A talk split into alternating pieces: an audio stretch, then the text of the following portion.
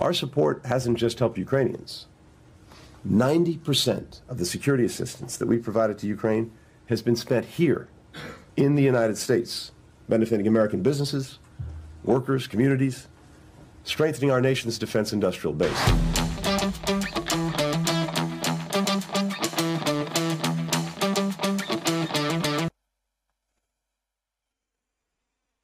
Ja, kära vänner. Kära, kära vänner. Det är den första dagen på det nya året. Mm. Det blir lite sent idag. Det händer mycket saker. Konstiga saker som verkar hänga ihop. Kanske inte uppenbart hänger ihop sådär direkt. För det handlar ju om folkbildning. Mm. En dag skulle det ju faktiskt räcka med att berätta om Ivar Kryger. En dag skulle det faktiskt räcka med att isen kostar 17 kronor. Det beror mycket på den omgivande situationen i omvärlden. Mm, men det är ju det. Det är ju det som är lite speciellt. Det här forskningsprojektet är globalt. Det är jättestort. Det är jätte, jätte, jättestort. Ja, det är det. Tänka sig. Mm.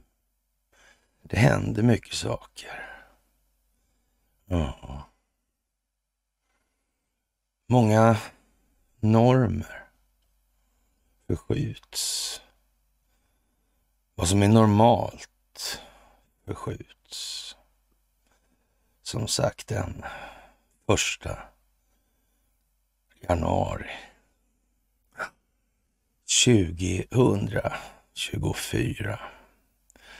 Och det är dags för ett måndags... Ja, det är liksom en är av spänning i luften. Det är lite konstigt ändå alltså. Normalitet, ja. Mm. mm. Mycket speciellt. I ett sjukt samhälle så är det sjuka normalt. Ja. Det där är konstigt alltså. När man, det blir lite rotlöst utan normer. Mm. Utan moral, karaktär, samhällets långsiktiga hållbarhet i ett normlöst samhälle. Ja, jag vet inte. Kanske de primitiva känslorna kommer att dominera. Det vet man ju inte. Eller vet man det kanske? Det kan ju vara så att man vet faktiskt att det är så då. Ja, konstigt det där. Mm. Som sagt, tack för allt ni gör. Tack för att ni är med på det här folkbildningsprojektet. Att ni hakar på. Nu är vi inne i 2024 och nu kommer de stora förändringarna att ta vid. Ja, det där är speciellt, det måste man ju säga. Tack för gåvor på Swish och Patreon. Tack för att ni fördjupar er på karlnorberg.se. Och tack för att ni hakar på Telegramtjänsten. Ja. Spännande tider minsann alltså. Mm. Aftonbladet tar upp det här med bland Onlyfans kreatörer finns det snart, finns det enbart förlorare. Det verkar vara liksom som att dekadens eller dekadansen är, ja, galopperande snudd på. Var, fanns det inte en film där också på danska drottningen som rökte Mariana eller hasch vad hon rökte? Ja. Mm, var det fanns ju det. Konstigt. Mm. Undrar om kungafamiljen har varit en symbol för befolkningarna i något sammanhang. Mm. Det moderna samhället har väl inte haft någon sådär egentlig våldsam nytta av de här marionettfigurerna. Nej, det verkar vara mest strul och krångel. Ja. Mm. Det verkar ju vara det alltså. Det verkar liksom gå hand i hand. Ja, det går så där för ja, penningmonarkiernas galjonsfigur. Så där alltså. Ja. Väldigt speciellt. Alltså det verkar... Ja, kockarna. Ja, jag vet inte. Gamla Rom. Ja, jag vet inte. Och nya upp uppgifter skolbarn spändes fast i stolar av personal. Barn som lås ut i kylan spänns fast med livrem. Så beskriver tidigare anställda i en skola i Gävle för barn med intellektuella nedsättningar. Ja, jag är chockad, det går mot allt jag tänker och tror på, säger rektorn Kristina Hjärtberg. Ja, det här är ju väldigt konstigt, ja.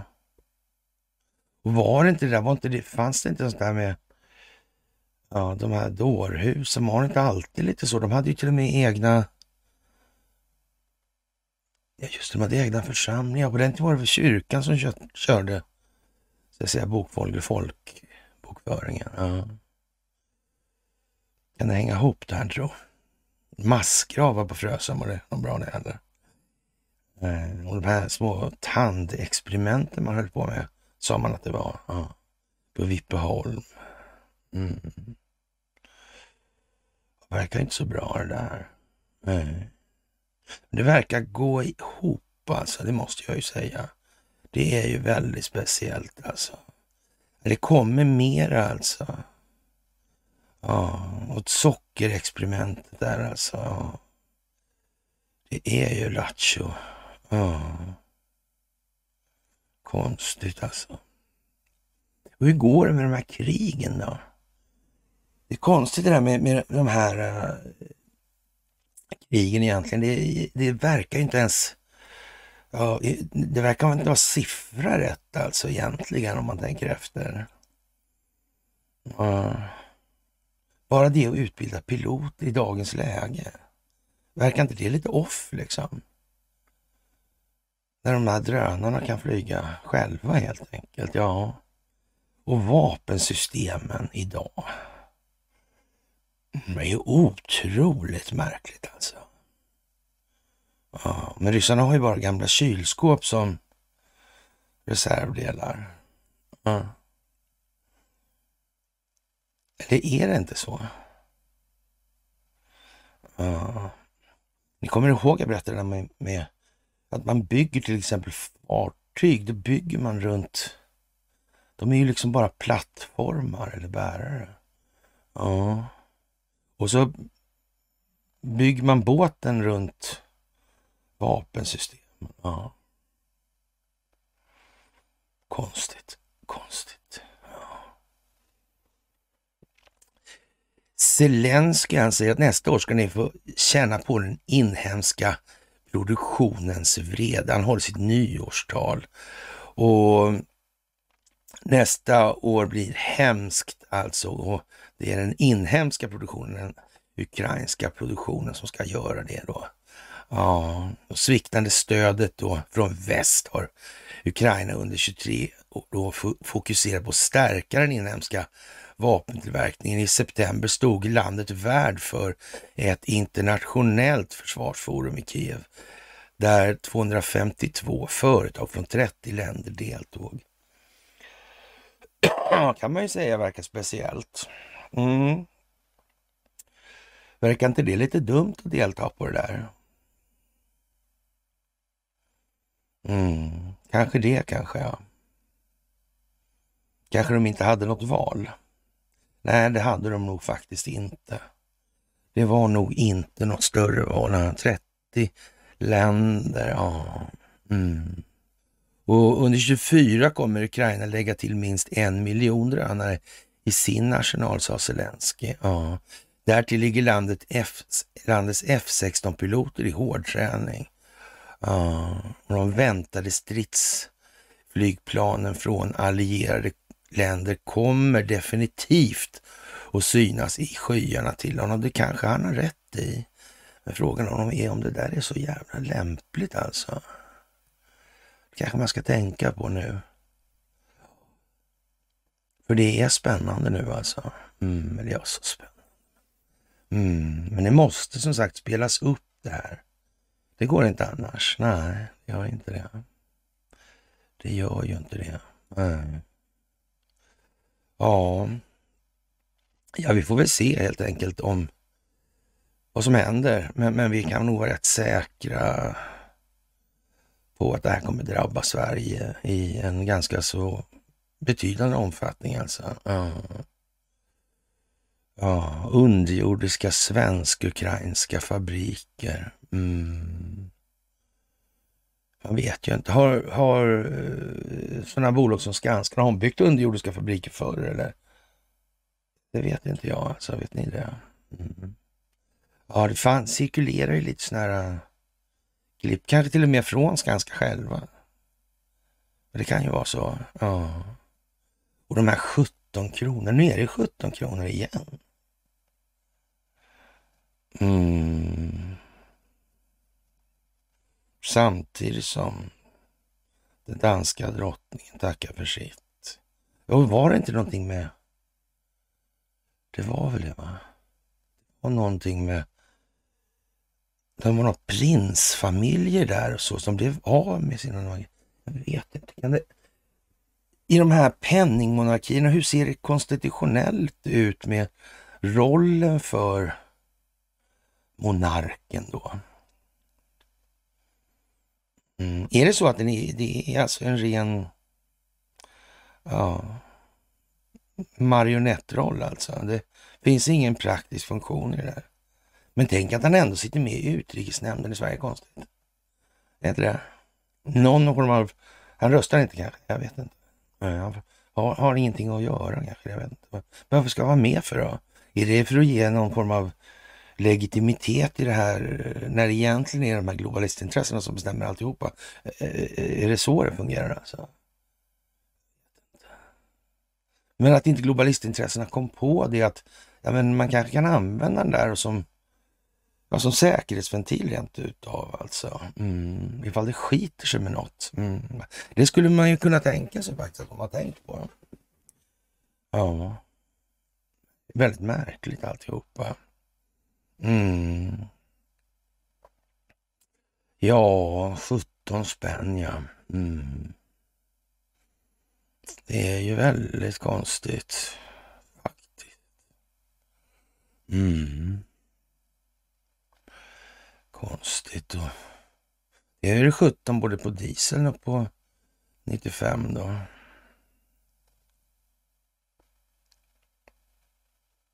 Mm. Ja, vi får se helt enkelt.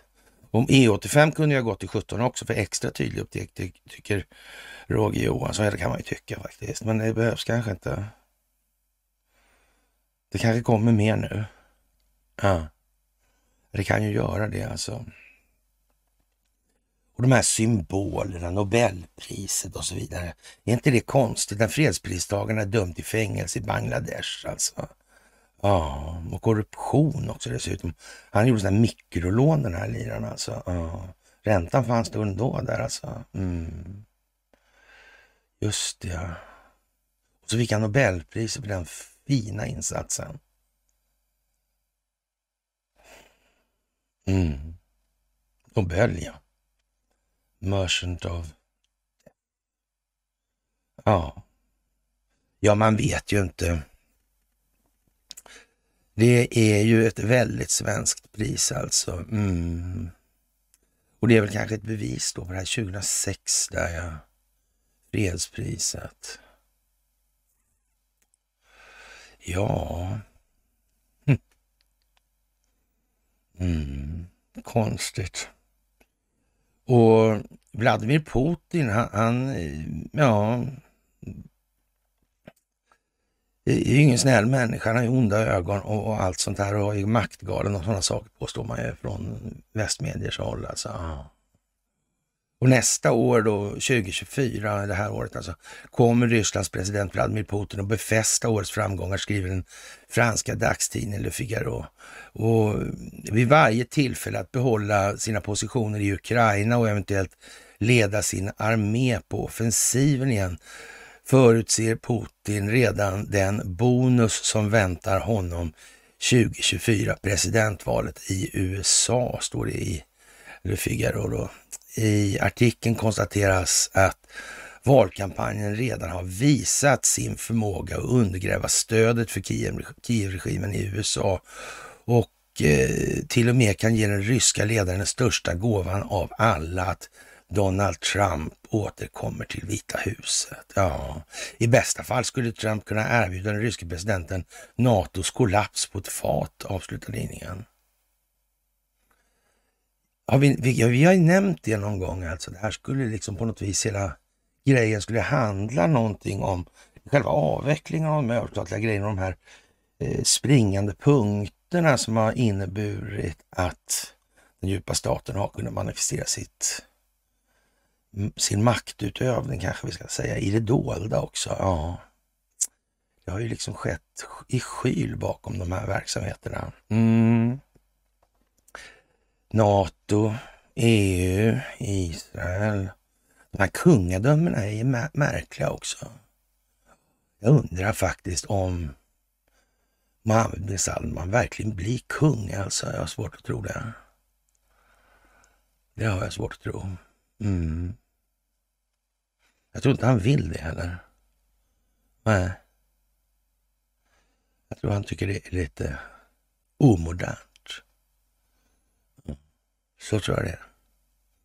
Mm. Ja, eh, men fortfarande finns det ju många som tycker att det finns ingen planering i, i det här alltså. Whatsoever. Det är bara tillfälligheter. Mm. Tur alltså. Mm. Ja, det är möjligt alltså. Den här danska drottningen Margrethe den andra abdikerar och, och det beskrivs som ett unikt ögonblick i Danmark, något som kan få även, eller skapa svallvågor både för kung Carl Gustaf och Norges kung Harald, menar hovexperten Roger Lundberg. Det är absolut inte omöjligt att de följer drottning Margretes föredöme och, och även de lämnar över, säger han. Mm. Under sitt nyårstal gav drottningen då beskedet att hon abdikerar från tronen till förmån för sin son kronprins Fredrik. Danska eh, DR då, alltså hovexperten Cecil Nielsen menar att beskedet är ett unikt ögonblick i Danmarks historia. Något eh, som även hovexperten Roger Lundberg håller med om. Det har varit en tradition i Danmark, precis som i Sverige och Norge, att man har sitt uppdrag till den dagen man dör helt enkelt, eller livet tar slut. Eh, så alla är ju tagna på sängen, inte minst i Danmark. Så jag tänk vad konstigt det här är alltså. Det är märkligt och det är ju något på gång alltså. För de har ju samtidigt skrivit de här avtalen då med USA. Och, och Danmark hade ju fingrarna i ganska tidigt där avlyssnade svenska politiker via ja, USA avlyssnade via Just det. Så var det mm. Så märkligt det där är, måste man ju säga. Så här, ja. Eh, det har liksom funnits en osynlig pakt alltså. Och, och, beskedet kommer att få konsekvenser i Sverige. Det har funnits en osynlig pakt alltså mellan kung Carl Gustaf och kung Harald och drottning Margareta om att de skandinaviska monarkerna inte abdikerar. Här är uppdraget ett uppdrag man har för livet. Och Eh, Roger Lundberg menar att drottningen nu lämnar över till ett populärt kronprinspar, eh, vilket kan påverka de, eh, de svenska och norska kungarna. Mm. Man vet ju inte riktigt. Hur, hur, hur, vad spelar kungen för roll då? Om man då hypotetiskt säger att Sverige hamnar under ockupation. Flytt, Litar man på kungen då eller hur, hur går det här egentligen till alltså? Ska han åka utomlands då, åka till London kanske? Hur är det där tänkt? Mm. Ja. Och ja, kraven i både Sverige och Norge kommer att öka kraftfullt där också finns populära tronföljare. Vi får helt enkelt se vad som händer i framtiden, vad kung Carl Gustaf och kung Harald väljer att göra. Det är absolut inte omöjligt att de följer Margretes föredöme och även de det lämnar över krona och spira och, och, och det här. Mm. Men vad är tanken bakom det här månntro? Mm. Att de kommer följa efter i den meningen. Ja, vi har ju sagt att de verkar lite omoderna de här. Mm. Och, och, och, så är det 17 kronor på både bensin och diesel nu. Tänk båda. ja. Ja, och, och, vet ni vad alltså? Det kommer Tricky Dick in i bilden också. Även historieprofessorn eh, Dick Harrison är, är, är drottningens besked mycket oväntat och kan påverka nordiska kungahusen, säger Tricky Dick. Det här är ju ett familjebeslut som vi inte känner till skälen bakom. Men man kan mycket väl tänka sig att även andra kungahus också tänker att man nu kan göra avsteg från traditionen. Normen, det normala. Men frågan är om kungahus i ett modernt samhälle, är det verkligen någonting som ska betraktas som normalt alltså? För vad då? Ja, det är klart att en försäljningsavdelning för vapenindustrin, det är ju bra att ha naturligtvis, men ja, ska det verkligen... Det verkar konstigt alltså. Mm. Ja, men det är bara spekulationer, säger han till TT. Alltså man, ja, det vet man ju inte. Nej, det vet man ju inte. Mm. Det är ju konstigt. Mm. Och, och, Israel då som också är en sån här konstig grej. Men den sitter ju ihop med de här konstiga kungahusen och särskilt med Norge och Sverige i den meningen. Mm. Den djupa staten har alltid bestämt i Israel, säger Benjamin Netanyahu. Ja. ja. Och, och nu byter man plats på nuvarande energiministern Israel Katz och utrikesministern Eli Cohen. Ja, eller Eli Cohen kanske. Eli Cohen heter det nog. Ja. ja, det där är ju konstigt också. Rotationen är en del av det avtal som Benjamin Netanyahu slöt med sina stödpartier för att kunna tillträda förra året. Ja. Och, och rotationen har dock fått kritik för att den riskerar att undergräva Israels diplomatiska legitimitet. Jaha. Eh, det var inte vettigt. Det var inte diplomatiskt vettigt innan kriget i Gaza och det är fortfarande inte vettigt, säger docent Nimrod Gorén på Mitvim, Israels institut för regional utrikespolitik. Ja. Under en intervju på söndagen medgav Eli Cohen att regeringen har ett ansvar i att Israel misslyckas med att förutse och förhindra Hamas attack den 7 oktober. Men frågan är vad det där är för någonting egentligen alltså. Mm. Märkligt det där. Men de säger ju på tv att det är på ett visst sätt och då måste det ju vara så. Ja. Och vem som helst kan ju bara säga emot så hör alla det också i samma utsträckning. Ja, kanske inte ändå. Kanske inte, nej. Faktiskt.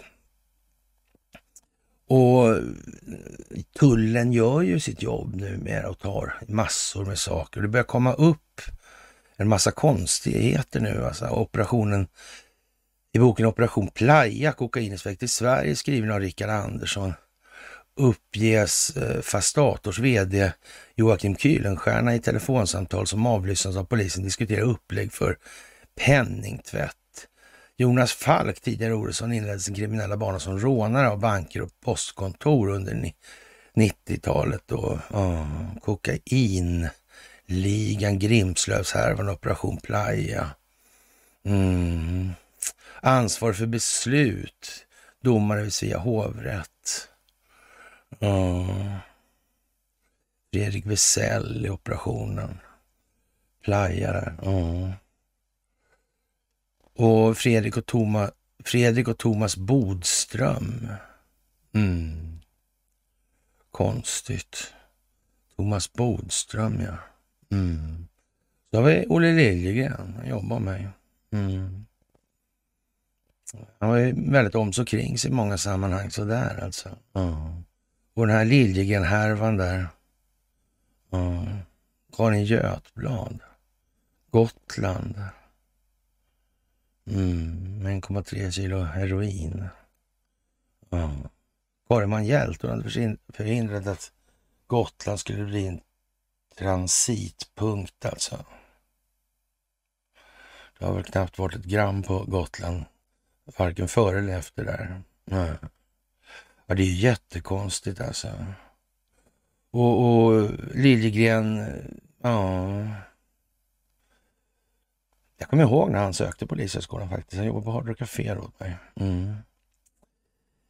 Han, eh, ja, Peter Rätz, ja. Mm, han till Edik Sundvalls bok där. Mm. Max Åström också. Mm. Han försökte sälja på mig vapen han, fast han jobbade med mig. Ja. Det var lite dumt kanske tyckte jag, men jag sa ju ingenting så naturligtvis inte. Men jag förstod ungefär vad klockan var slagen då. Ja. Mm. Kriminalunderrättelsetjänsten var inte sådär jätteseriös faktiskt på alla sätt och vis. Nej, nej. Det var de inte. Framförallt behövde de mycket svarta pengar också. Ja. Var fick de dem ifrån? Mm. Ja, det är mycket speciellt det där. Och det kommer eh, mm, fram. Så är det också. Mm. Större är det inte. Nej.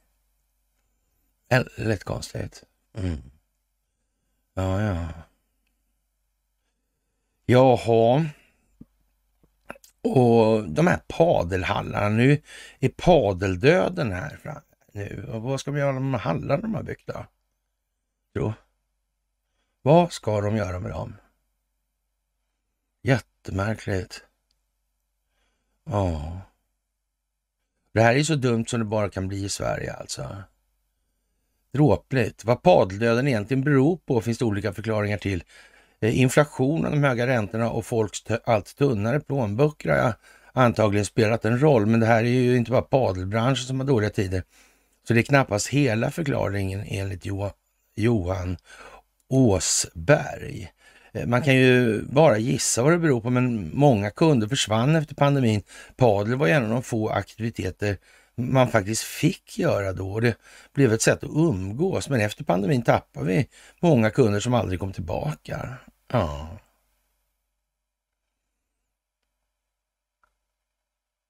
Verkar precis som man har, det här har man gjort på något vis. För pandemin som sådan var ju en konstgjord grej. Det är en media, mediastunt liksom. Konstigt som fan är det. Mm. Och Ja, det var hyck detta var hycklarnas år 23 alltså. Ja. Och det är Mikael Winiarski i Dagens Nyheter som skriver så. Och jag vet inte vad man egentligen ska säga om det här att ja, antingen så finns den djupa staten eller inte och mm, jag tror att de flesta börjar förstå att det är nog så. Ja, allting är liksom byggt för att dölja det. Ja. Och det här med Skandinavien är ju speciellt. Alltså, jag var in, har varit inne på det några mysnöter. Vad är det här egentligen? Mm, det är ju just det, ja. Mm. Fina saker vår. Ja. Unionsupplösningen 1905. Ja, men satt inte världens gäng där i svenska riksdagen då? De här Arvid Lindman kanske? Ja. Kanske någon Warborg? Jag vet ju inte. Ja, lite liberaler var det i alla fall. Några stycken av dem. Kanske Wallenberg också då? Jo, just det. Så var det ju. Mm. Ja, väldigt, väldigt konstigt alltså. Mm. Och som sagt, det är klart att det när ljuset och verkligheten kommer så här, då ser, ser ju människor att det här är ju ett rent hyckleri. Det är ju ingenting av det här som har bäring på verkligheten. Och det kan inte vara så. Det måste vara allt mer förvridet efterhand som tiden går och det kommer att synas. Mm. Gör man folk uppmärksamma på det, ja då blir det optik alltså. Ja. Det är ju så. Mm. Och ja, Vladimir Putin, han är ju så elak och ja. I Syrien, ja. Mm. Där Ryssland gick in med bombflyg 15 då för att rädda diktatorn Bashar al-Assad. Alltså. Ja. Mm. Mm. Det där är ju väldigt konstigt. Dagens Nyheter, det är liksom lite allt möjligt. Hackat och malet, lite så va. Ja, en del är riktigt bra och andra är, så att säga, håller igång teatern. Sådär alltså. Mm. Ja, och eh, Donald Trump får sällskap på resan mot helvetets botten i Dagens Nyheter då. Och ja, årets replik? Frågetecken. Det vet väl inte jag. Och det var som vi tog upp när det kom upp så att säga. Det var ärkebiskopen som skulle grillas av SVTs främsta skjutjärn. 1940-talets tidningsdebatt om tro och vetande uppstånden i 2020-talets tv-format. Anders Holmberg avsåg att axla filosofen Ingmar Hedenius roll och ställa Martin Flodéus till svars om sanningshalten i den kristna läran. Kunde han verkligen tro på Kristi uppståndelse? Och det gick ju som vi gick. Vi gick igenom det när den kom då häromdagen. Ärkebiskopen svarade med sin numera klassiska replik om vetandets gränser, hänvisades till mysteriet och blev folkhjälte. Kanske förnyade han också förutsättningarna för det religiösa samtalet i Sverige. Ja, kanske möjligen gjorde han det. För det är ju inte så att alla klarar sig utan handledning helt på egen hand. Nej, det är det ju inte. Ja, men då måste man samtidigt ha klart för sig vad den här kristna tron egentligen innebär. Då kanske man inte ska anamma riktigt det här Athanasius Konstantin-syndromet. Alltså det verkar inte så bra. För det var, då blev det ett redskap direkt. Man får nog göra lite, eh, vad ska man säga? Ja, renovering kanske. Mm. Ja, det kan man nog säga faktiskt. Man får köra en liten intellektuell renovering av den religionen. Ja. Mm. Oaktat om det berodde på ärkebiskopens retoriska utförsgåvor var det fullt i kyrkan på julens midnattsmässa i år för första gången sedan pandemin. Och, och, kanske inte bara därför. Tidsandan har en tendens att gå igen. Kyrkor och restauranger fyllda till trängsel på nyårsafton, rapporterar Dagens Nyheter på nyåret 1924. Mm. Ett år då oron låg som ett lock över världen som stockholmarna alltid är och kyrksamma vid denna tid på året så gick det en jämn folkström till alla huvudstadens tempel, noterade en i Gustav Vasa kyrka lyckas man pressa in hela 3000 själar. Ja, det glada 20-talet hade uppenbarligen sina skuggsidor. Pessimism och misströstan fyllde många sinnen, konstaterar tidningens nyårsledare samma dag. Man behöver endast gå ut där två eller tre är och församlade för att höra jämmer och klagan. Hundra år senare känns den dystra stämningen igen på något vis här.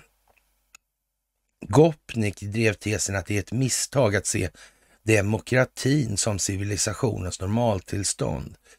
Istället menar han att det är tvärtom. Alltså. Under höstens bokmässa i Göteborg hade jag glädjen att samtala med den amerikanska författaren Adam Gopnik. Eh, också han en man med känsla för det ja, mänskligas mysterier. Gopnik drev tesen att det är ett misstag att se demokratin som civilisationens normaltillstånd. Ja, det där med demokratin är ju väldigt svårt alltså. Vi vet ju inte riktigt vad det är för någonting och var den börjar och var den slutar. Nej, det är ett väldigt flytande begrepp, märkligt nog, som alla säger sig förespråka ändå, fast ingen vet vad det är. Eh, istället menar han att det är, tvärtom. Alltså, sett till tusentals år av mänsklig historia är det normala för oss inte att leva och frodas i fredliga demokratiska former, utan snarare att släpa oss fram under tyranni och auktoritära styren. Det vi kallar för demokrati med andra ord. Alltså. Ja, demokratin är ett undantagstillstånd. Den intressanta frågan är alltså inte hur det auktoritära styret uppkommer utan snarare hur det kan upphävas. Ja. Den antidemokratiska lockelsen finns alltid där. Arbetet består i att motarbeta den. En republik om ni kan behålla den, svarar Benjamin Franklin, en av USAs grundlagsfäder, en gång på frågan om vad land egentligen var för någonting. Vad det var, alltså vad var det här? Ja, det är ju konstigt. En republik om ni kan behålla den. Mm. Det är det där som är konstigt. Maktdelningsprincipen igen alltså. Mm. Ingen folksuveränitetsprincip. Det är ingen bra grej alltså. Det verkar väldigt konstigt det här rättssystemet. Och, och just där i Skandinavien verkar väldigt konstigt. Men där verkar det ju vara lite omodernt att vara där. De verkar ju inte riktigt lika entusiastiska för rollen längre helt enkelt. När det sliter sa hon. Va? Ja, det gjorde det. Mm.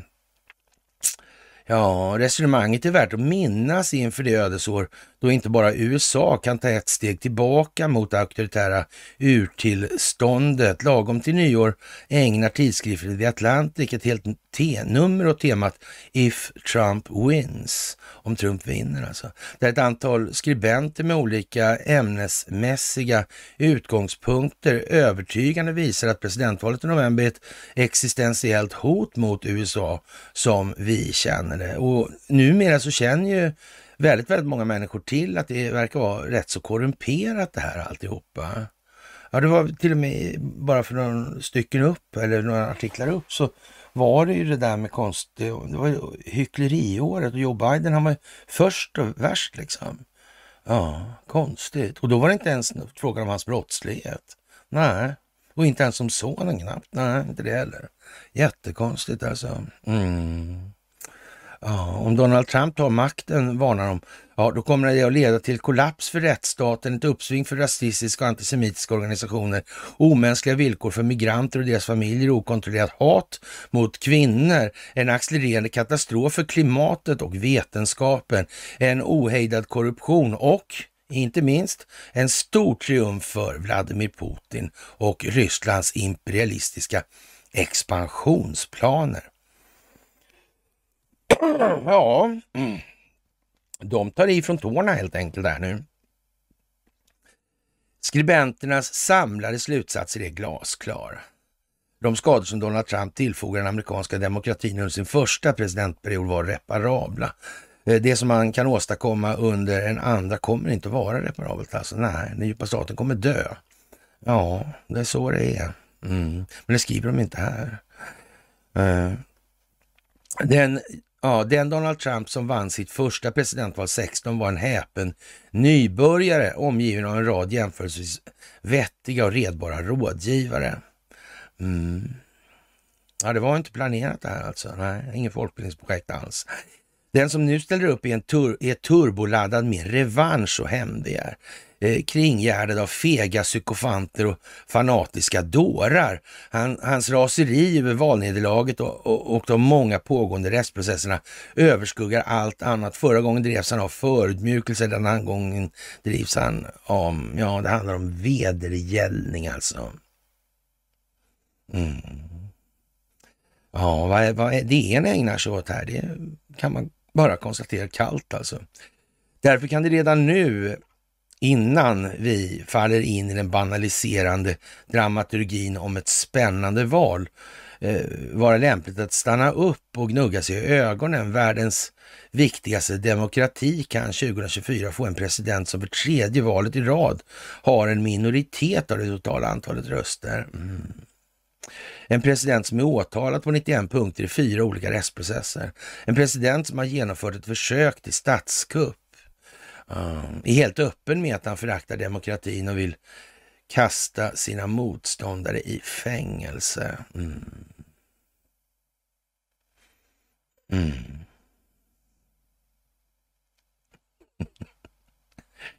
Ja, normaliseringen av denna process är det mest skrämmande av allt. Här kommer den här normen. Ja. Mm. Vad är normalt?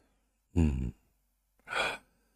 Precis som den normalisering som många varnade och blev utskrattade för i början av 2016 den gången, eh, ja, eller den här gången riskerar reaktionerna att avtrubbas. Ytterligare den legitima känslochocken att ersättas med en slags inre död. Tomhet menar man då kanske. Ja. När, när USAs nya president använder justitiedepartementet för att fängsla demokratiska politiker, motsträviga militärer, jurister, journalister och aktivister kommer folk förvisso skruva på sig men också rycka på axlarna. Det är ju trots allt vad han har sagt att han ska göra hela tiden. Ja. Trumpismens bärande idé är ett grundskott mot den här tanken. Alltså. Gör vad du vill. Bejaka dina lägsta instinkter. Ja, men är väl inte, det är väl nu, är väl inte Donald Trump president? Och den här uh, Onlyfans, eller vad heter den? Porrgrejen där. Mm. Är det Donald Trumps fel eller? Är det? Nej, jag vet inte. Det kanske man kan, nu kan man nästan se det så här, vad det är för någonting. Då. Sitter det här ihop? Vem gör vad och varför? Hur har det varit och hur ska det bli? Ja, det är klart.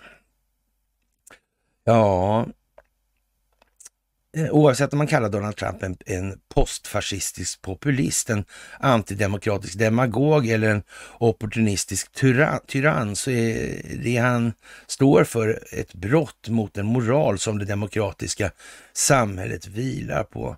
Att våra handlingar får konsekvenser. Trumpismens bärande idé är ett grundskott alltså mot den här tanken. Ja, det är jävla konstigt alltså. Mm. Ja, gör vad du vill. Lägsta instinkten. Ingen kommer att bry sig. Nej, nej. Mm. Eh, konsekvensen blir ett samhälle där medborgarna tappar tron på att någonting betyder något överhuvudtaget. Ja. Eh, det, det, det vill säga precis vad alla auktoritära ledare önskar sig. Det likgiltigas republik befolkad av uppgivna nihilister. Ja ja, det är det här som är den verkliga faran. The Atlantics redaktör Jeffrey Goldberg påminner om att till och med Trumps egna familjemedlemmar framhåller hans unika uselhet mot, mot andra människor som en komplimang. Må, det må det ruttna i helvetet, avslutade presidentkandidaten sin julhälsning på sociala medier med adress till sina politiska åsiktsmotståndare. Den största förstörelsen är den som människorna har begått mot sig själva genom att låta sig förfäras eller förföras av begär, girighet och skamlös svinaktighet mot andra. Mm. Dagen efter denna frid, fridshälsning följer en annan man med voluminöst hårsvall som systematiskt arbetar sig ner mot helvetes trattens botten. Huvudpersonen i Mozarts opera Don Giovanni. I Kungliga Operans nya uppsättning utspelar den sin förödd och förstörd värld, utbombade ruiner, förbrända skogar och svart giftrök mot en blodröd himmel. Men den största förstörelsen är den som människorna har begått mot sig själva genom att låta sig förföras av begär, girighet och skamlös svinaktighet. Alltså. Ah. Det är ju för jävla konstigt alltså. Mm. Svinaktighet mot andra, ja. Mm. Till skillnad från verkligheten slutar operan i eld och undergång för missdådaren. Ja, men kanske, slår det mig när jag stengästens tordönsstämma ljuder i de suggestiva slutscenerna. Är det hela mänskligheten som kallas till rannsakan? Ja. ja. Eller ultimo momento? Är det vår civilisations sista stund som är kommen? Eller kanske är det början på något nytt? Står det ju inte här, men det kanske är så. Kanske det här är skrivet för att väcka tanken. Inte minst på vad medierna ägnar sig åt under lång tid, som de uppenbarligen ägnar sig åt nu också, för att hålla liv i den här teatern.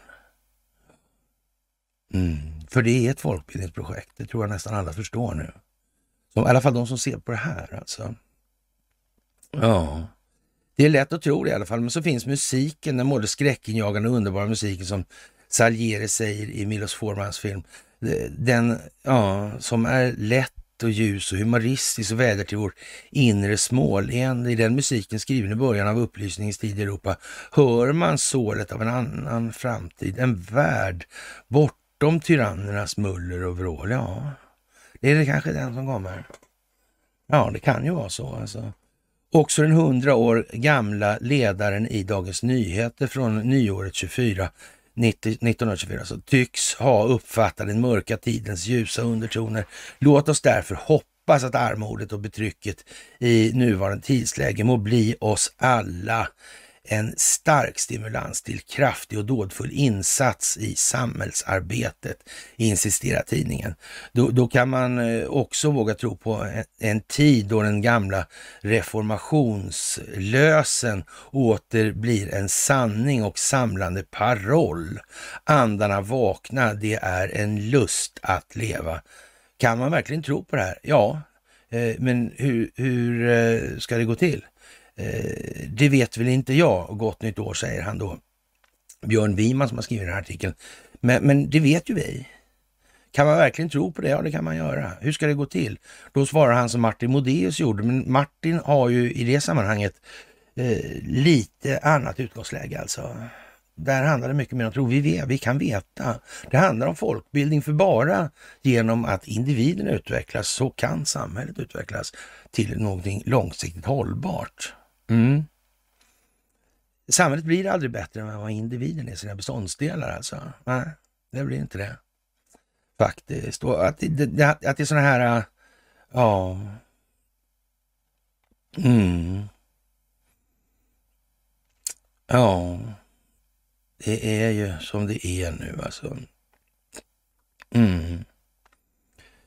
Det är ju som det är. Mm. Ja, som sagt var, nu är det dags då och eh, ja, vågar vi säga nej till medelmåttighet, Svenska Dagbladet igår. Och ja, stora delar av den svenska akademin hyllar medelmåttighet, senast illustrerad av Leif Levins debattartikel. Leif Levin, det är den här eh, ideologi och strategi, den står där uppe, det gjorde jag häromdagen. Jag läste faktiskt häromdagen. Eller ställer, jo, den ligger där uppe. Just det. Eh, den med gula, nej ser inte den. Den är en våning upp. Ja. Och hur som helst då, så där, det är ju någon så här, vad man kan kalla för någon statskunskapsbibel nästan alltså. Ja. Mm. Olof Ruin, ja just det, var han det med sonen. Ja. Mm. Ja, han är också lite så. Han är Nestor i det där. Ja. ja. De där två har nog ställt till det, som man kan säga. Ja. Och det här med, med eh, forskningen alltså. Eh, ja. Forskare menar att akademisk frihet behöver öka medan politiker vill se resultat för miljarderna som satsas på forskning. Ja. Mycket mycket, mycket lite, men mycket lite och allt mindre av all forskning gör någon skillnad egentligen. Ja. Det där är ju jättekonstigt. faktiskt. Man skulle kunna tänka sig att det borde inte behöva vara just så, eller kanske. Ja. Men så är det ändå på något vis så. Ja. Jag vet inte. Varför är det fel att satsa på bredd? Studie efter studie visar på att Mobilitet är viktigt för forskares kreativitet och produktivitet. Raka motsatsen till mobilitet är intern rekrytering, så kallad akademisk inavel, vilket kraftigt hämmar forskningsproduktiviteten. Ja. Mm. Ofta blir mindre produktiva forskare internrekryterade och internbefordrade till professorer. Ja. Enligt Vetenskapsrådet hade en majoritet av professorerna vid de tio största lärosätena i Sverige en doktorsexamen från samma lärosäte som eh, samma lärosäte och framhåller inaveln i det svenska högskolesystemet som djupt oroande och identifierar den låga mobiliteten i miljöerna ja, som en svaghet. Mm. Men eh, vänta här nu. Mm. Finns det några stora privata? Det de där gör, det hjälper inte någonting. Nej. Vad kan det här vara? Mm. Vad kan det här handla om? Ja, mm. Det är som det är med allt det här helt enkelt. Det tror jag ni förstår nu alltså. Mm. Vi behöver lära oss av de som är bäst i klassen och göra selektiv rekrytering med satsningar på rätt personer. Inte på alla och inte på projekt. Ja, jag vet inte. Varför har det blivit så här? Var det meningen kanske? Det vet man ju inte. Stora risker när MSB ska stöpas om, Svenska Dagbladet Debatt. Då har ju liksom, ja, är det Morgan och ja, Hultqvist ja. Mm. Det där är ju konstigt. Vi lever i en tid eh, där det första stora kriget sedan andra världskriget drabbar den europeiska kontinenten. Det finns en uppenbar risk för att kriget i Ukraina expanderar till fler länder. Utvecklingen i Ukraina är avgörande. Inget tvivel ska råda om de ryska ambitionerna att söndra och härska i Europa. Att stärka svensk totalförsvarsförmåga är därför av högsta vikt. Det är inte bara viktigt från ett eh, rent nationellt, ett ur om jag får be, eh, ur ett rent nationellt perspektiv, utan i förhållande till de övriga nordiska länderna och partners. Sverige har en strategisk uppgift i mitten av Skandinavien och ja, uppbyggnaden av vårt så att säga, totalförsvar får därför inte försinkas av egna misstag i bygget av civilförsvaret. MSB, Myndigheten för samhällsskydd och beredskap, är en myndighet vars verksamhet spänner över ett vitt fält. Det handlar bland annat om cybersäkerhet, säkra kommunikationer, i skydd mot olyckor, räddningstjänst, krisberedskap, kriser, krig, internationell verksamhet och råd till privatpersoner. Verksamheten är mycket omfattande och karaktäriserad karaktäriseras bland, ibland som spretig och svåröverblickbar. I försvarsberedningens förslag är det framtida MSB helt centralt. Trots goda ambitioner att bygga en stark styrning av det civila försvaret så går det att starkt kritisera dess tankar. Kritiken handlar framförallt om en uppenbar risk för bristande ledning och styrning, revirstrider mellan myndigheter och inom regeringskansliet. Bara det alltså, det där regeringskansliet är med här också. Utebliven kulturförändring, tidsödande utredningar med luddiga ja, inriktningar, utredningsdirektiv, ja, var det något sånt som, hur var det? Var det Anna Hirschfeldt då? Estonia tror jag hade med det att göra också. Mm. Myndigheten för samhällsskydd och beredskap, alltså ligger i Karlstad. Enligt eh, försvarsberedningen ska MSB tillföras nya uppgifter såsom den om ekonomiskt försvar, industriell beredskap och försörjningsberedskap. Utvecklingsarbetet ska börja från i princip ett rent bord där nuvarande nivå nästintill är obefintlig. Detta är en enorm uppgift som kommer att ställa stora krav, mycket mycket stora krav till och med. Ja, förslaget innebär att redan stora omfattande MSB ska expandera ytterligare. Samtidigt ska den interna kulturen i MSB förändras till att bli mer handlingskraftig. Som komplement till allt detta ska det övervägas om vissa verksamheter ska knoppas av. Beredningen är inte distinkt i sin inriktning, lämnar fältet fritt för interna krafter i myndigheterna och regeringskansliet hävda sina intressen och skapa skapar därför osäkerhet kring utveckling. Kan det vara själva tanken med hela organisationsstrukturen? och funktionen alltså just nu. Mm. Kan det vara så? Och har man gjort så här för att kanske kunna exponera det så att folk ska se det här och förstå det? Jag vet inte. Men det skulle ju kunna vara så alltså. Ja. Om den nödvändiga uppbyggnaden av civilförsvaret kommer att präglas av byråkratiska problem så är det mycket illa. Istället för att med tövande steg ta sig an en enorm utmaning och därmed riskera att tappa styråran så borde man redan nu agera tydligt. Det sparar tid, arbete och framförallt tona ner risken för revirstrider. Ett mycket tydligt politiskt ledarskap är vad som är nödvändigt, dels när det gäller situationen i vår nära omvärld, dels när det gäller vårt eget sätt att bygga totalförsvaret. Försvarsberedningen gömmer sig bakom att innehållet är viktigare än formen. Formuleringen låter på ytan, ytan snitsig men är i praktiken en luftbubbla som bidrar snarare till belastande otydlighet. Organisationsformen är nämligen ofta helt avgörande för möjligheten att åstadkomma praktiska resultat. Att redan nu göra ordentliga val istället för att drunkna i överväganden är bättre ur alla aspekter. Mm. Ja, och Socialdemokraterna har ett förslag alltså. Mm.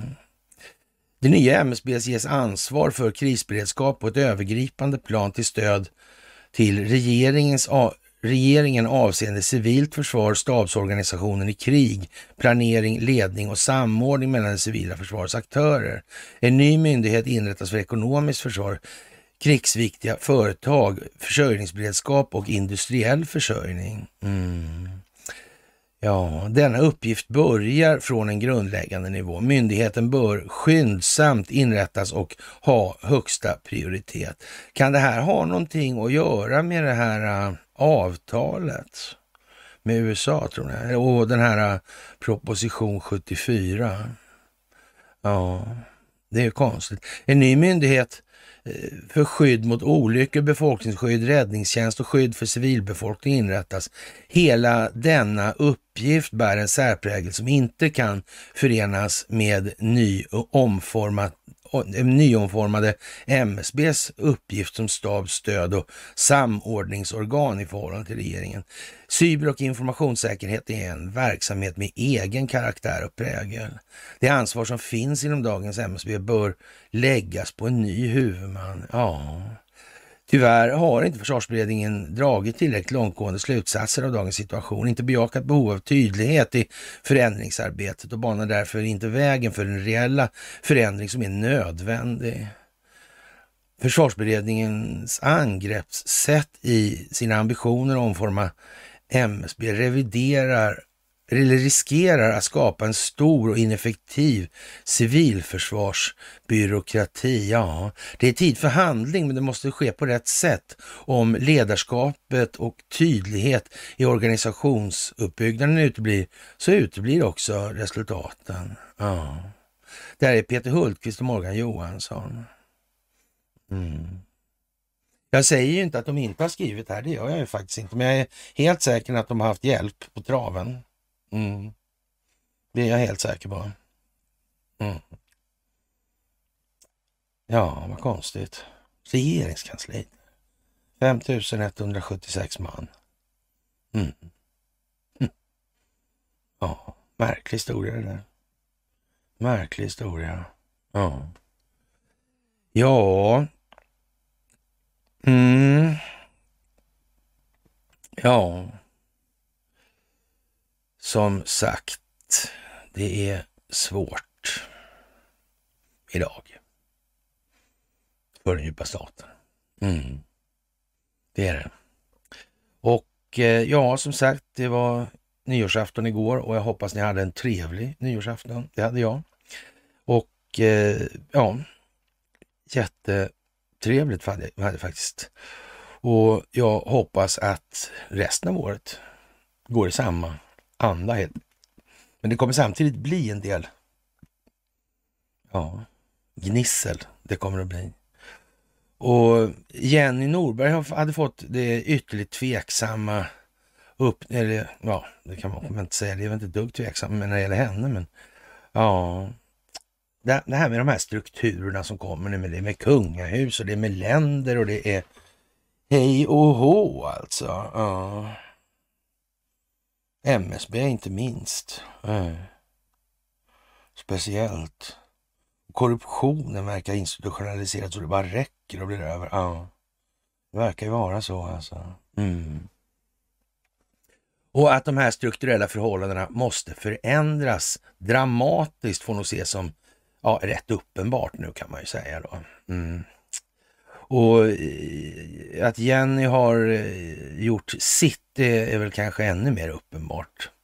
Och jag älskar äldre människor. Jag har lärt mig allt jag kan och jag försöker visa dem tillbörlig respekt. Jag är aggressivt mot den konstiga åldersdiskrimineringen i Sverige och där folk ska tvångspensioneras i medelåldern och kopplas bort från samhället. Men nu börjar till och med jag tröttna, för hur länge ska den här geriatriska dödsfesten egentligen pågå? Eh, I Israel har IDF fått uppdraget att utrota Hamas.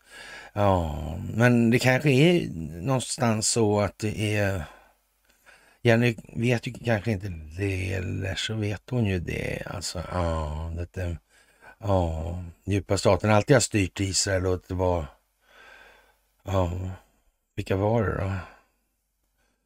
Det var väl den här äh, israeliska underkänslan då, va? Ja, Mossad, va? Det var väl de som startade Hamas. Det kanske inte, jag vet inte, de kanske inte har koll på det. Ja. ja, men det kanske inte går, visar det sig nu i alla fall. Eh, tror någon att det är möjligt? frågade Frankrikes president Macron retoriskt i veckan. Ja, 20 000 döda och 2,3 miljoner hemlösa palestinier senare när terroristerna fortfarande håller 120 gisslan från Israel. Det kanske inte går så bra det här kriget. Men Benjamin Netanyahu sitter kvar, trots att han hängde på en mycket tunn tråd före kriget och att förtroendet för honom i Israel sjunker, trots att nästan hela världssamfundet protesterar. Och, och trots eh, att en tydlig majoritet av israeler som har gjort den här rockaden nu också. Mm, det var ju också konstigt. Ja. Det där är ju konstigt. Alltså, israeler uttrycker att hela säkerhetshaveriet var hans ansvar. Där två kvinnliga israeliska underrättelseofficerare såg, visste och slog larm om exakt vad Hamas planerade men avfärdades av äldre manliga chefer. Kanske har inget eh, lika brutalt visat hur ledarna som suttit länge och håller med varandra behöver bytas ut nu. På andra sidan Atlanten puttrar en Eh, en amerikansk president med ungefär 50 års stolt erfarenhet av utrikespolitik vidare. Hans idéer om Israel och Palestina började formas redan på 70-talet och 23 åkte han till Tel Aviv och kramade Netanyahu för att visa sitt stöd för invasionen av Gaza. Sällan avgrunden mellan det gamla gängs världsbild och alla andra generationer känns lika avgrundsdjup. Sedan dess har Joe Bidens medarbetare börjat visa honom undersökningar om hur de flesta i hans egen ålder visserligen tycker likadant om Israel och USAs Israelpolitik, men att åsikterna blir betydligt mer skeptiska genom generationerna och en majoritet i gruppen 18 till 29 år tycker att det är precis tvärtom. Både om Israel och, och hur Biden bemöter dess krigsföring. Ja, undersökningar från Europa visar liknande siffror och synen på Israel och Palestina. Eh, och det är den generationen amerikaner och europeer som ska leva med samma generationer palestinier och araber och muslimer och israeler och judar och sig själva i någon typ av framtid alltså. Som kräver en betydligt, betydligt bättre idéer och lösningar än vad den nuvarande uppställningen av ledare provat hittills. Så när ska skiftet börja? Ska de ge sig av? När? Och sällan avgrunden mellan det gamla gängets världsbild och andra generationer känns lika avgrundsdjup. I England blev Charles till slut vithårig kung. Ja. Och i succession dog, eller ja, huvudrollskaraktären. Men, men, men, måste en patriark bli nästan hundra år innan han ens börjar fundera på att dra sig tillbaka? Och vad hände med eh, ja, att börja döstäda och lämna lite plats, lämna över. Nej, eh? men nej. I mars nästa år tänker Vladimir Putin återlåta sig väljas president igen. Trots ett helt värdelöst aggressionskrig mot Ukraina där hundratusentals ryssar har stupat hittills. Där ryssar obönhörligen också kommer att hållas ansvariga ja, för det här kriget i flera generationer.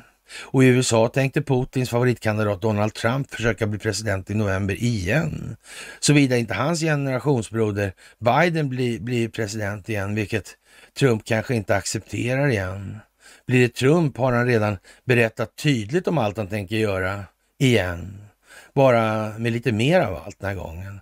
Att snacka skit och ha fel gör folk hela tiden över hela världen. Det är universellt och vackert. SvD ska, nu, ska se runt hörnet, gillar konferenspeppiga chefer och säga. Men som kvalificerad analytiker av nutid och framtid känner jag mig en aning modstulen inför att fortsätta att spana på exakt samma persongalleri. Vad sägs om att titta på händelseförloppen i, och i sak och analysera utifrån det istället, Jenny? Skulle det kunna vara en idé, tycker du? Jag tycker det skulle vara fint. Och jag har ju skrivit mycket till dig och sådär så att, eh, ja. Och du har ju svarat också. Ja. Och, och, men det gick lite, det gick lite tokigt när jag började bråka för mycket om ekonomin tror jag. Var inte det som liksom skar sig med? Jag tror det var det. Jag, jag minns det. Ja. Och eh, ja, så i brist på att alla oldtimers avgår och slutar kriga eller åtminstone blir överröstade hade jag tänkt att vi skulle göra mer än att glutta bakom några slitna hörn. Och, och jag tror inte vi gluttar bakom hörnen, Jenny. Jag tror inte man gör så. Jag tror man ställer sig högre upp istället och tittar på hörnet ovanifrån så ser man ju runt det. Förstår inte du det? Uh, ja, faktiskt alltså. Ja, jag föreställer mig mer att vi ska dansa runt i den framtida nya idéer som redan är etablerad bli, och bli modigare och mer radikala. Vad tror ni? Ja, frågar Jenny då. Mm. På samma vis som AI-ingenjörerna säger att de inte vet själva hur artificiell intelligens skapas.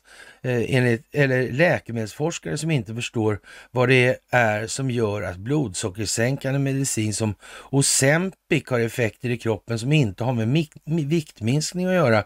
Men, men de kämpar för att utveckla och förstå mitt i det nya alltså. För att tillåta sig att bli gammal i huvudet oavsett ålder är ju det riktigt stora problemet. Och ekvationen för medicin och demokrati eller för medier, jag säga, men, och för demokrati och för dig personligen är ju i grunden ganska enkelt. Vill du gå runt med en jämntjock bekräftande dimma eller är du mån om att hålla hjärnan spänstig? Då krävs ett mer sprakande inflöde än sånt som du redan kan och förstår och tror på. Orkar du närmare sånt? Sen kommer överkursen. Vågar du formulera en ny tanke? Kanske uttala den högt? Ja, att snacka skit och, ha fel, det gör folk över hela världen. Det är universellt och vackert. Ja, det är en grej de har den här med upprepningen som de kör hela tiden nu alltså. Jag vet inte, jag, för mig, jag tycker det är nästan lite oskick, men det, jag förstår den pedagogiska tanken bakom det såklart. Men ja, men okej, okay. låt gå för det liksom.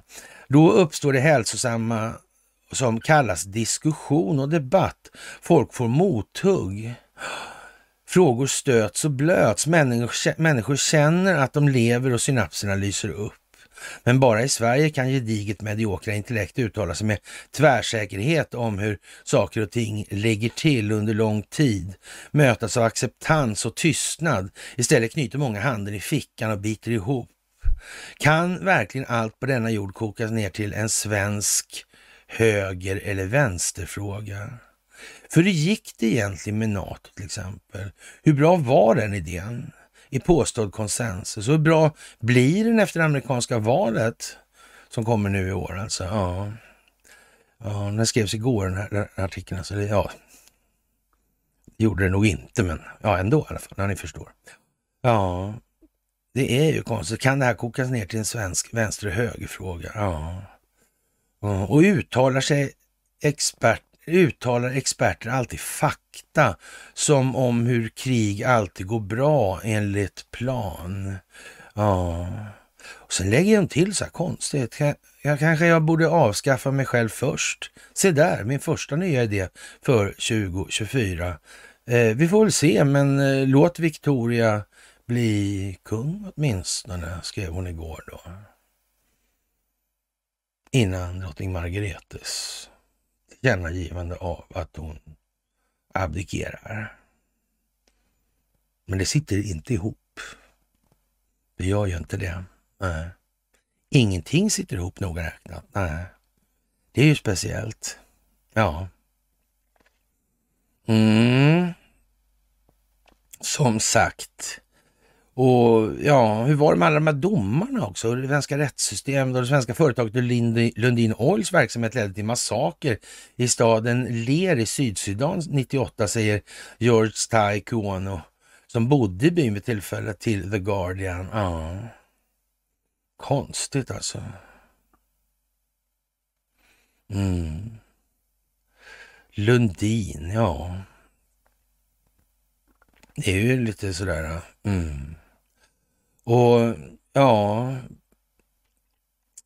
Ryssland har en lista på tillgångar som man kan konfiskera som svar på de här idéerna som eh, pågår som diskussion om eventuell konfiskering av rysk egendom under förevändning att överföra den till Ukraina. Mm. Ja...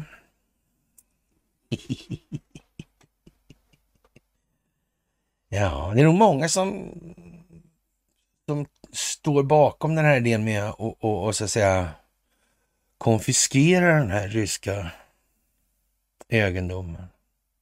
Och som inte vill det egentligen. Nej, nej, nej, nej. nej. Man kan säga så här att det, det, det finns ju i alla fall en eh, vad, vad som förefaller vara en rimlig möjlighet till att man så att säga köper bra pengar med dåliga där. Mm. Ja, ja. Så kan det vara.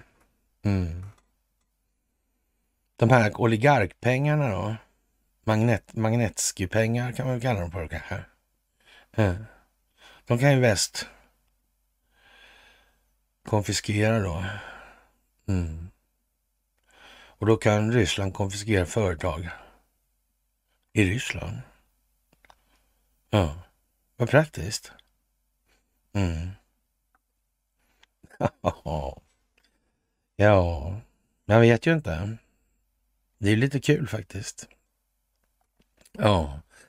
Peskov säger i alla fall att Ryssland har redan en lista över tillgångar som kan konfiskeras fr fr från utlänningar som svar på deras handlingar. Eh, sådana handlingar får mycket allvarliga konsekvenser. En gång när européerna och amerikanerna införde sanktioner utan motstycke tänkte de inte ens på bumerangeffekten. Eh, sådana handlingar i form av konfiskering och stöld av vår egendom kommer att få ännu mer eh, skadliga konsekvenser. Ja, eller så var det ju som att det här, ja, var är meningen att det skulle bli så här helt enkelt. Det är upplagt så. Mm. Ja. Ja, det blir som det blir alltså. Och eh, ja, det är lite fantastiskt alltså. Allt det här som händer nu, det måste jag säga. Mm. Jättefantastiskt måste jag säga att det är. Mm. Och eh, ja, allt färre blir allt rikare på allt flers människors bekostnad. Nej, så har det nog varit en stund faktiskt. Mm. Och eh, ja, det är dags att spänna fast sig nu, tycker danska vin. Och, ja. Let's go Iowa. Mm. Kan det vara så att man tänker skita i det där med primärvalen helt och hållet, utan det gör istället då mm, det här med liksom partiet. Mm. Det är klart. Ja. Financial Times förutspår att eh, X eller Twitter går i konkurs nästa år. Säger Anders Lindberg på sin Twitter. Ja. Ja. Jag vet inte. Kanske det kanske. Mm. Man vet ju inte. Och, och ja, Kiev-regimens militära planer har eh, drabbats av ett fullständigt fiasko. Förvänta er därför de värsta nyheterna för er och era ukrainska ombud inom en snar framtid. De nya paketen med militärt ekonomiskt stöd till den ukrainske presidenten Zelensky kommer bara att fördröja plågan för hans regim och kommer inte att förhindra vad som komma skall alltså. Mm. Säger då eh, Rysslands representant vid FN då, Vasilij Nebenzia. Mm. Eh, militär seger över Ryssland är ett absolut ouppnåeligt mål. Samtidigt kommer hot från NATO-länder från Ukraina, Ukrainas territorium säkerligen att elimineras. Antingen som en del av den särskilda militära operationen eller med politiska och diplomatiska instrument, betonar han då vidare. Ja, det där är ju jättespeciellt alltså. Ja. Mm. Nästa år måste vi försöka förstå hur Ryssland blev en fascistisk diktatur och varifrån dessa, dess nyttiga idioter kommer. Jaha. Mm. Ja, vad ska jag säga egentligen? Det, det, det är lite speciellt det här med människor. Ja. Det, det, får man väl säga ändå alltså. Mm. Det är inte sådär. Ja, och bankerna gör räntevinster på 1200 miljarder alltså. Ja. Europas banker. Mm. Ja, ni, det är helt otroligt. Ja, och som sagt, allt exponeras. Och till och med sju ton hästkebab har ätits. Ja. Vet inte jag. Och de här Mistralbåtarna kommer upp. Var det inte någonting med Egypten och några eh, helikoptrar? Hur var det man byggde det där egentligen? Byggde man med avseende på vapensystemen eller hur var det där, de här Mistralbåtarna? Är inte det konstigt det där alltså? Ja, ja. Faktiskt alltså. Mm. Lite, ja, kanske man ska tänka på nu då. Sådär. Och ja, mm. ständigt nya besked och det här med NATO. Det är lite fantastiskt det här måste jag säga nu. I, i, i rätt många avseenden, snart vartenda ett. Det är snart inget annat än fantastiska saker som händer i det här.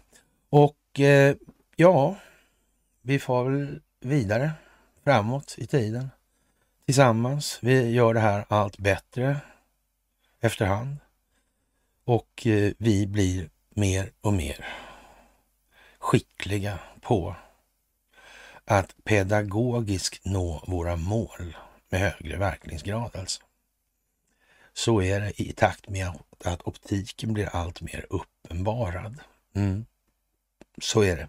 Det handlar om folkbildning. Mm. Jordens genom tiderna största folkbildningsprojekt. Globalt koordinerat. Jag tror ni vet, jag tror ni förstår. Och jag önskar er ett fantastiskt år 2024. Och eh, med det så tackar jag för mig idag och så återkommer vi, tror jag, jag hoppas vi gör då i, på onsdag helt enkelt. Ja, kära ni, en eh, trevlig nyårsdagskväll på er så hörs vi senast på onsdag.